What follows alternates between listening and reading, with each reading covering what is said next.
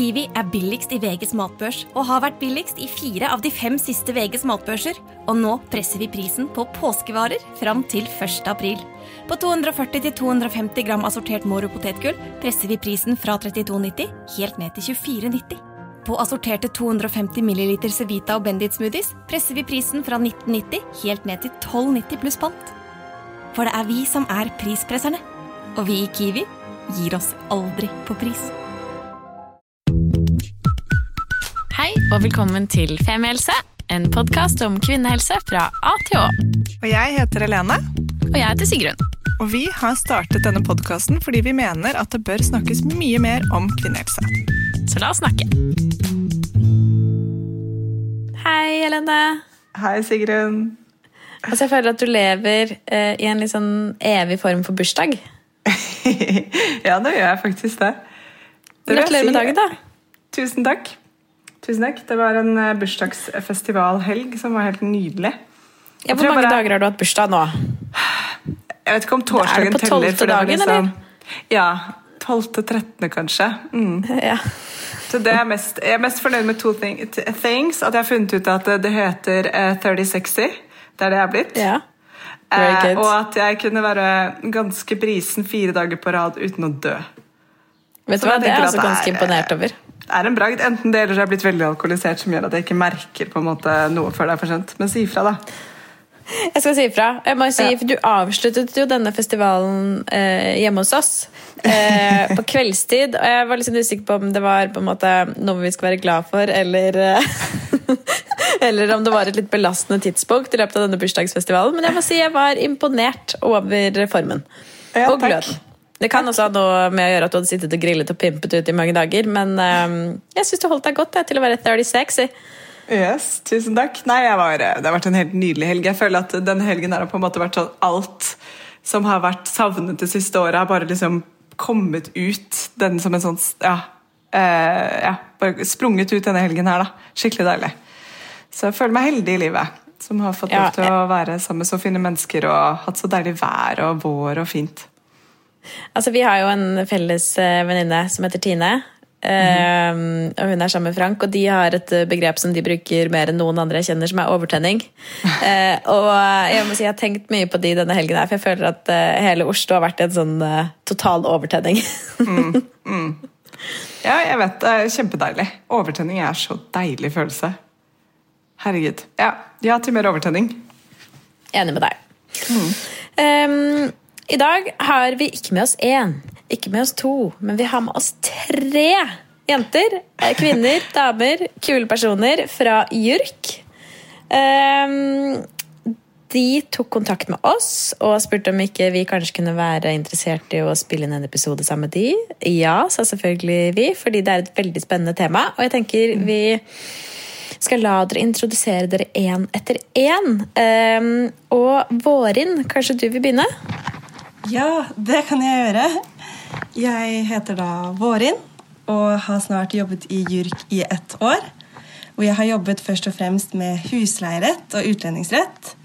Men så er jeg også da på denne gruppen som jobber med fengselsproblematikken og kvinner i fengsel. Så jeg har nå bodd i Oslo et år, jobbet i JURK, men studerer vanligvis juss i Bergen, da. Så nå gleder jeg meg også snart til å komme tilbake til Bergen. Få gått litt på tur i fjellene der, for det syns jeg er helt topp. Ja, det skjønner jeg så godt.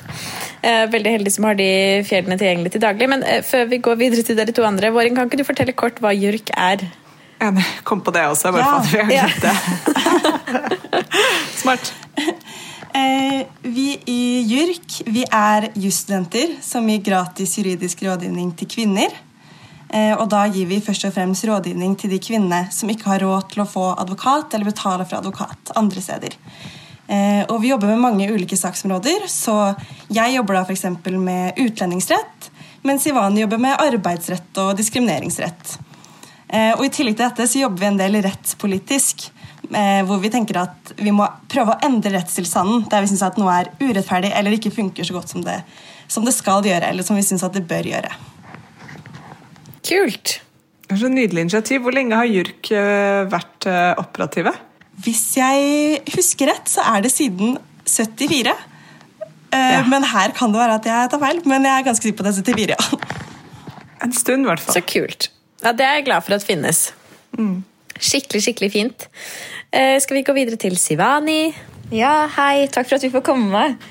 Jeg heter jo da Sivani, og jeg jobber med arbeidsrett, diskrimineringsrett og mye trygderett. Eh, og jeg har vært her et halvt år, studerer til vanlig i Bergen. Eh, men har jo da kommet til Østlandet, da, for det det er jo så flott vær her. Og for at Jurika er her. så ja. Så fint. Og så er det Emily. Jeg må si Det er veldig gøy å se deg på skjermen, Emily, fordi jeg har sett deg siden du var knøtte liten. For du har eh, vært god venn med lillesøsteren min i mange mange år, så dette er skikkelig morsomt. Det syns jeg òg, og nå har jeg blitt litt større. Ja. Så ja, jeg heter Emily og har også jobbet i JURK i et halvt år nå. Og jobber med eh, vold og gjeld og fengselsrett. Og er også i dette rettspolitiske prosjektet som eh, vi tre er i. Det er jo en kjempefin overgang til å snakke litt eh, mer om dette prosjektet. For det er jo grunnen til at eh, vi eh, snakker sammen i dag. Har en av dere lyst til å fortelle litt om prosjektet? Ja, begynne med det. Yes. Det, ja. Fengselsprosjektet er jo et rettspolitisk prosjekt hvor vi ser på, en måte på de problematiske sidene ved kvinners soningsforhold i norske fengsler.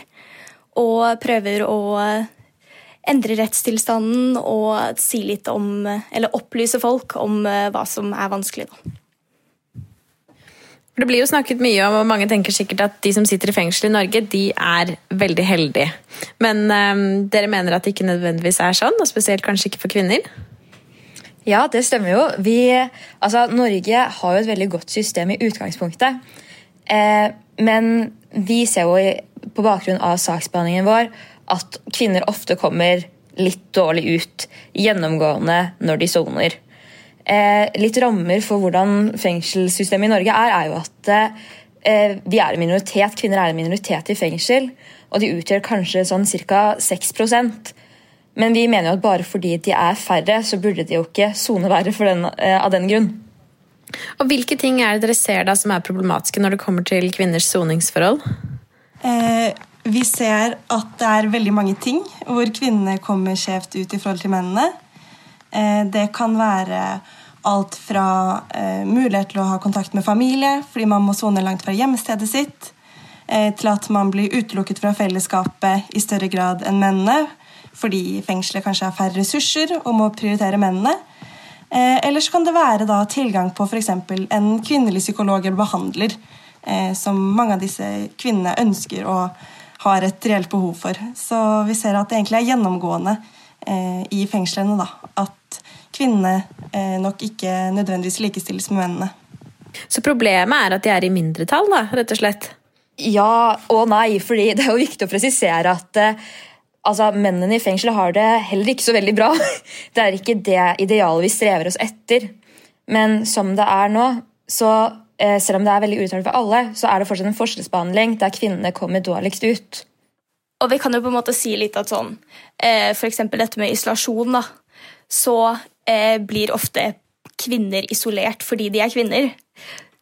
Altså på en måte sånn eh, De kan bli isolert pga. det er mangel på ressurser eller bemanning. Og da må man på en måte stenge ned kvinneavdelingen for å holde mannsavdelingen åpen, f.eks. Eller som et beskyttelsestiltak mot at menn er utagerende. Mens hvis menn blir isolert, så er det kanskje f.eks. For fordi de har utagert. Eller liksom. Så det er på en måte ulike grunner, da. Ikke sant. Og dette antar jeg at dere prøver å, å gjøre noe med. Altså, hvordan kan man eh, endre denne praksisen? Vi eh, erfarer jo at det er veldig vanskelig, rett og slett. Eh, og det er jo kanskje ikke sånn at det er så veldig mange som er opptatt av denne problematikken, eh, som vi ser på som en utfordring. Eh, så vi eh, ønsker på en måte også å opplyse om det ved å på en måte kontakte politikere eller skrive artikler osv. Eh, men vi tenker at det at folk blir eller skjønner hvilke utfordringer det kan være i fengselet, at det er viktig for at man skal kunne gjøre noe med det. Eh, rett og slett. Og så er det jo på en måte et av målene med soning er jo eh, ja, å beskytte befolkningen, men også å rehabilitere disse menneskene. Og det vil jo på en måte gagne både disse kvinnene som sitter inne, og også resten av befolkningen at soningen faktisk fungerer. Og eh, altså, den kvinnelige fangebefolkningen er særlig sårbar, sårbar, og det er veldig mange av de som er blitt utsatt for seksuelle overgrep i, som barn og som voksne, og en stor andel har psykiske problemer. Og hvis du kommer inn i fengselet da, og så blir du dårligere og ikke bedre, så er jo ikke det en rehabiliterende effekt. Ja, det er jo litt sånn som både Våren og Emily sa, er at det, Ofte så kan man tenke at de som er i fengsel, de har gjort noe galt, så de fortjener liksom å være der.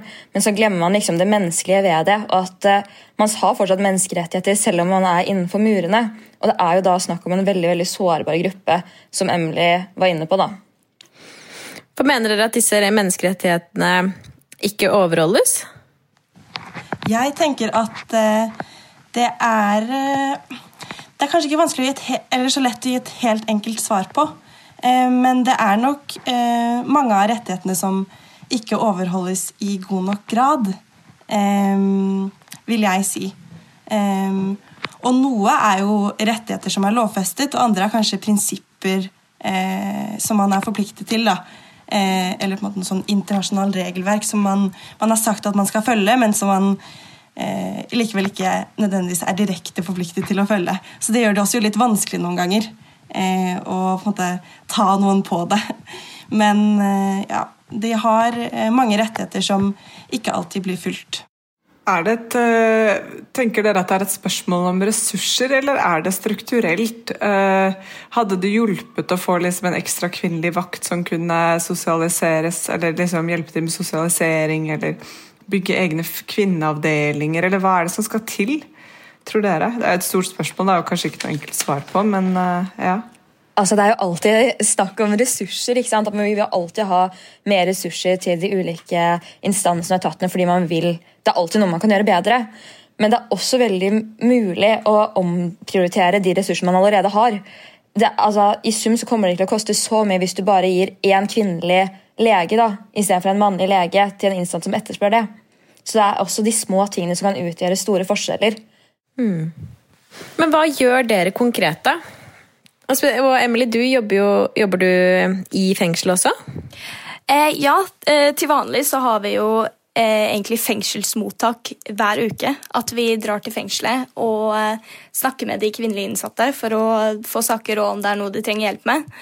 Eh, men det har vært ganske vanskelig nå som det er korona.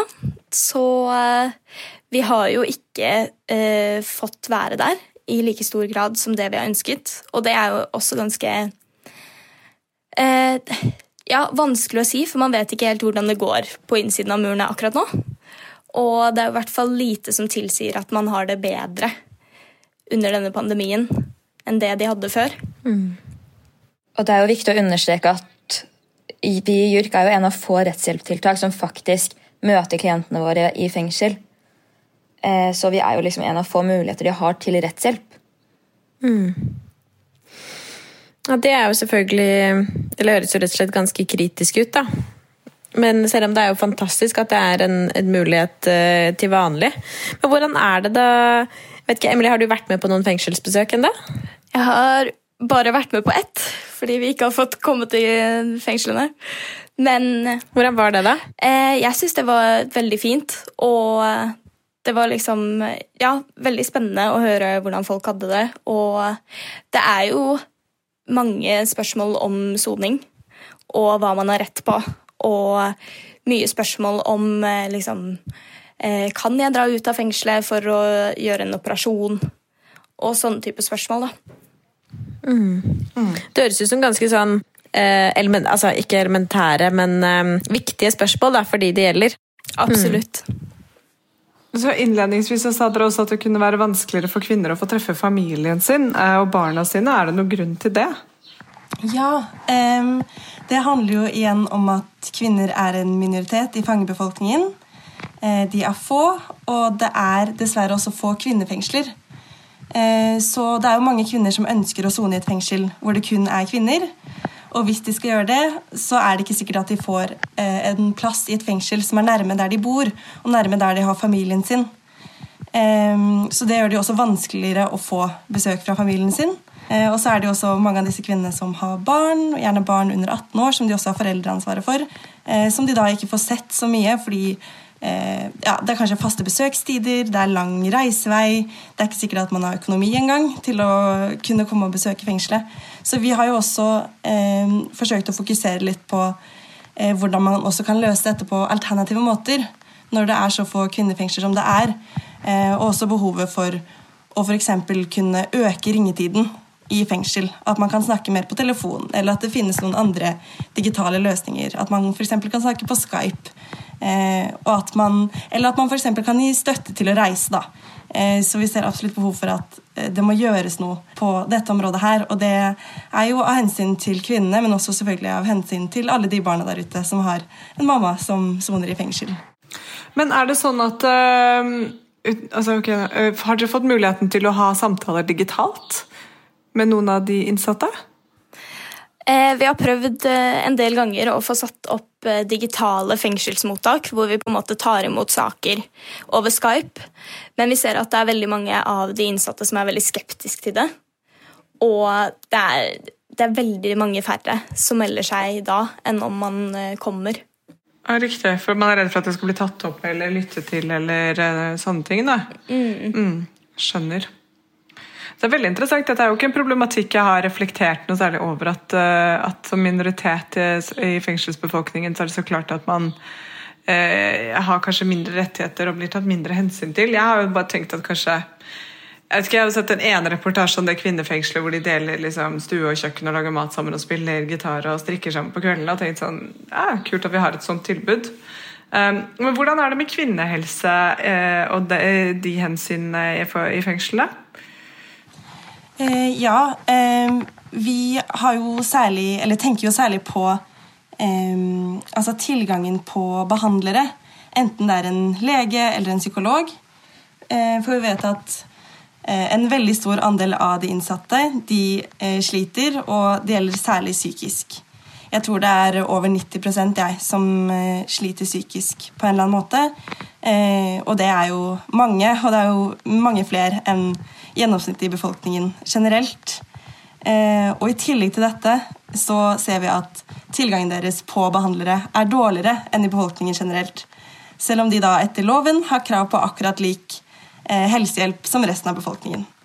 Eh, så det er jo et stort problem, og noe vi mener at det virkelig bør tas tak i. Og det gjelder jo alle innsatte generelt, kvinner og menn. Men det som er utfordrende for kvinnene, er jo det med at så mange har blitt utsatt for overgrep, enten som barn eller voksne. Eh, det gjelder i hvert fall 50% om ikke mer. Eh, og det at mange av de etterspør å få hjelp av en mann, eh, men så hører vi at det enten kan ta Nei, altså at de vil få hjelp av en kvinne og ikke en mann. Men at det kan ta veldig lang tid, eller at de ikke får det tilbudet i hele tatt. Og der har vi også regler og retningslinjer som vi er forpliktet til, som egentlig sier at man skal få hjelp av en kvinne, men så så skjer det ikke likevel, da. Og da ender de opp med å ikke få hjelp i det hele tatt, da? Hvis de ikke ønsker hjelp av en mann? Ja, jeg vil jo tro at kanskje noen er tilbakeholdne med å spørre om hjelp. Eh, eller at de kanskje ikke tør å dele alt. Eh, ja. Og ikke rett og slett ja, klare å åpne seg for en mannlig lege for eksempel, på samme måte som en kvinnelig. Mm.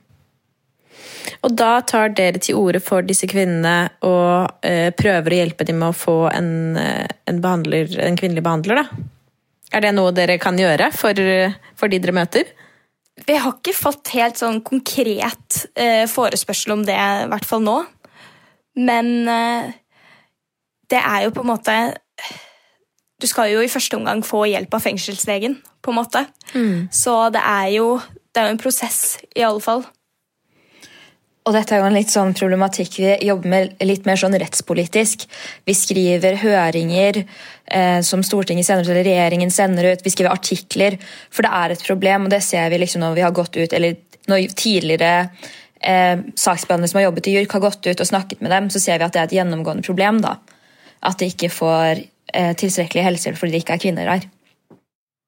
Ikke sant. Altså, har alle eh, Fins JURK over hele landet, eller er det bare i Oslo? Det finnes bare i Oslo, JURK. Eh, men man har jo andre rettshjelpstiltak eh, som hjelper både kvinner og menn i både Bergen og Tromsø også. Eh, men det som er litt spesielt med JURK, er at vi også har det likestillingsperspektivet gjennom hele saksbehandlingen vår.